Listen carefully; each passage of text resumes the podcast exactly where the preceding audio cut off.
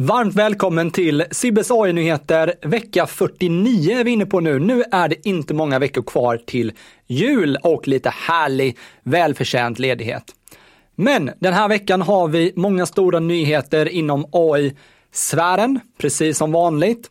Men det kommer så mycket nyheter så jag hinner ju inte samla in allihopa. Men jag försöker att sammanställa de tio stycken största eller viktigaste nyheterna som jag tror att du har störst nytta av att känna till.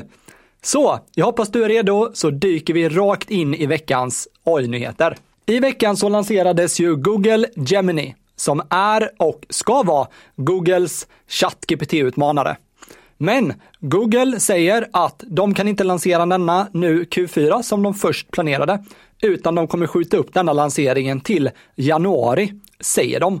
Så vi får se om den lanseras då eller inte. Jag vill också passa på att säga till alla som har sett Gemini-videon, den var helt otrolig. Jag blev väldigt chockad först också hur bra den verkade vara. Men det visade sig att hela videon var fake. Det var inte live på något sätt utan den var redigerad och alla de textsvaren som Gemini gav var baserade på ganska välutvecklade prompts i kombination med en bild från den här videon. Och det lanserade Google en länk till deras eh, research-sida där de tydligt presenterade detta. Så det var inget som direkt ljög om, även om videon kanske fick lite mer viral uppmärksamhet än vad den kanske borde. I Sverige dock får vi vänta på Gemini. Jag vet inte hur länge, men med tanke på EU och liknande så kommer den inte hit än. Nyhet nummer två. OpenAI har nu, eller det har läckt dokument från OpenAI som 2019 godkände en inköpsorder på AI-chip från ett eh, dåvarande nystartat företag som hette Rain. Och det här är ett företag som Sam Altman själv privat har investerat pengar i. Det här brevet läckte nu nyligen och de har sagt att de ännu inte har investerat i några AI-chip från Rain.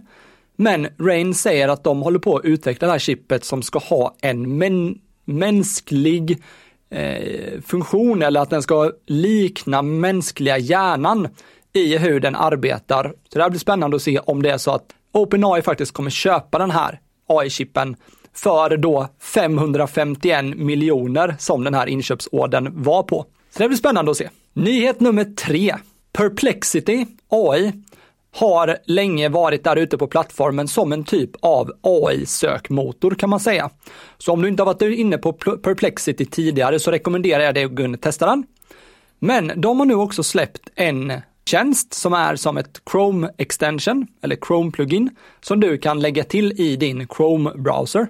Vilket gör att du kan få en SGE, alltså Search Generative Experience, direkt i Google, även om inte du bor i USA eller liknande, där SGE faktiskt finns idag.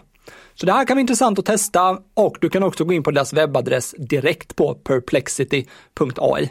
Nyhet nummer fyra. Metas AI-bildgenerator är äntligen tillgänglig som en helt fristående webbplats. Så de har alltså släppt den här AI-bildgeneratorn och den heter Imagine och den är nu tillgänglig för alla direkt via deras webbplats som är imagine.meta.com. Det här verktyget har tidigare endast funnits i betaversion och tillgängligt i vissa gruppchattar. Och det kom en läcka om detta för ganska länge sedan när man i Messenger skrev slash imagine så blev det att den ställde frågan vad du ville generera för någonting. Men det gick aldrig riktigt att använda. Nu har den alltså släppts öppen på sin webbplats och det här kommer garanterat komma direkt i alla deras plattformar också framöver. Så du kan alltså skapa bilder från eh, textmeddelanden och eh, den här modellen genererar fyra stycken bilder för varje prompt och det är väldigt likt hur Midjourney och Dolly fungerar idag. Nyhet nummer fem. Microsoft Copilot har ju lanserat en Copilot just till Windows och den här får nu OpenAIs absolut senaste modeller inbyggt i sin Copilot. Det innebär ju att då Copilot får stöd för GPT-4 Turbo tillsammans med Dalis uppdaterade modell som då kan generera alltså ännu bättre bilder. De har också uppdaterat deras kodtolkningsfunktion som alltså är en version av Code Interpreter och de har också möjligheten nu att direkt i Copilot göra det som de kallar för Deep Search direkt med hjälp av Bing. Nyhet nummer 6. Äntligen har Europa kommit till en överenskommelse gällande EU AI Act.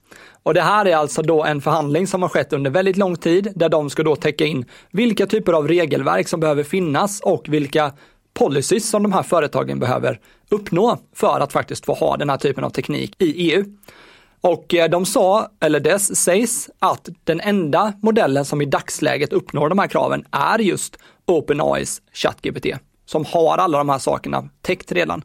Google har ju inte det och därför har inte Google heller släppt sina versioner i EU just. Så de säger också att Europa var den första som släppte detta, även om jag vet att även USA har eller är på väg att släppa en liknande sån här policy. Nyhet nummer sju. Elon Musk, han har ju sitt AI-företag som heter XAI. Och de har nu äntligen rullat ut sin första version av deras AI-modell eller AI-chatt som heter Grok till de som är prenumeranter, alltså Premium Plus-prenumeranter på plattformen X.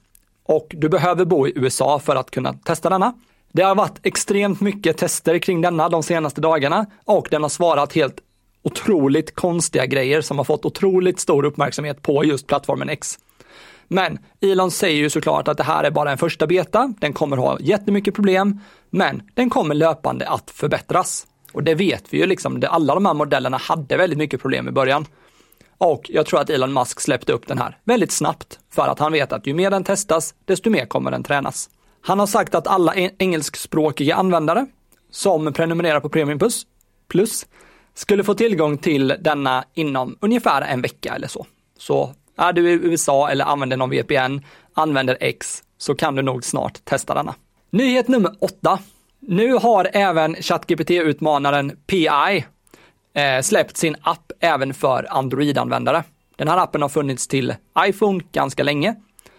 Den här PI eh, grundades av DeepMind-grundaren Mustafa Suleiman och LinkedIn-grundaren Reid Hoffman. PI är nu tillgänglig i 35 länder och precis som ChatGPT så erbjuder även PI-appen interaktioner direkt med hjälp av röst. PI är alltså en förkortning av Personal Intelligence och syftet med PI är att det här ska vara en personlig AI-assistent som du ska kunna ha med dig oavsett var du är, vad du gör eller vad du än behöver hjälp med. Och eh, tidigare så gick eh, även Bill Gates ut och sa att det här med PI, det är framtiden. Att alla ska kunna ha en personal intelligence eller då som han nu säger, en egen agent som hjälper dig med allt möjligt. Nyhet nummer 9.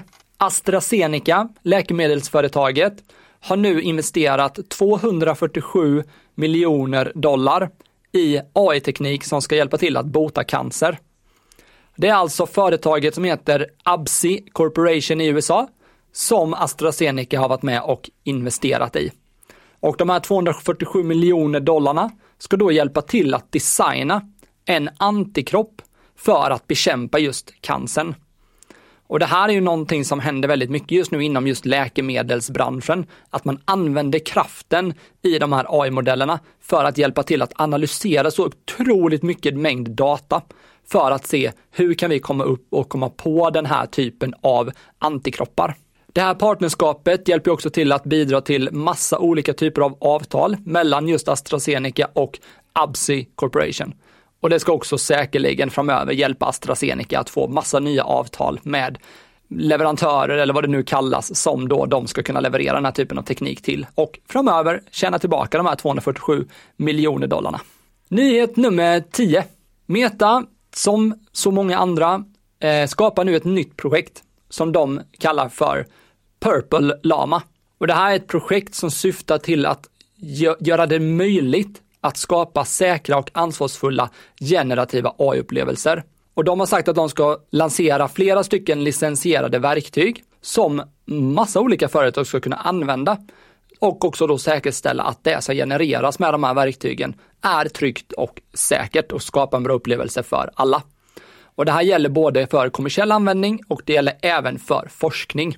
Men Meta har sagt att de kommer börja med att fokusera på cybersäkerhet, så de kallar sin första modell för CyberSec Eval och den ska då utvärdera AI-systemsäkerhet. Så att det blir spännande att se vad det här tar vägen. Så vad tror du om AI? Är du fullärd nu inför att vi går in i 2024. Och jag har ju min kurs på Breakit, så att har du inte gått den än så rekommenderar jag dig att gå den, där du får lära dig grunderna i just ChatGPT och hur du kan bli bättre på att använda de verktygen. Och den är främst byggd för marknadsförare, men alla kommer kunna ha stort värde av att gå den. Om du kanske inte redan är en daglig användare av ChatGPT, då kanske den är för basic.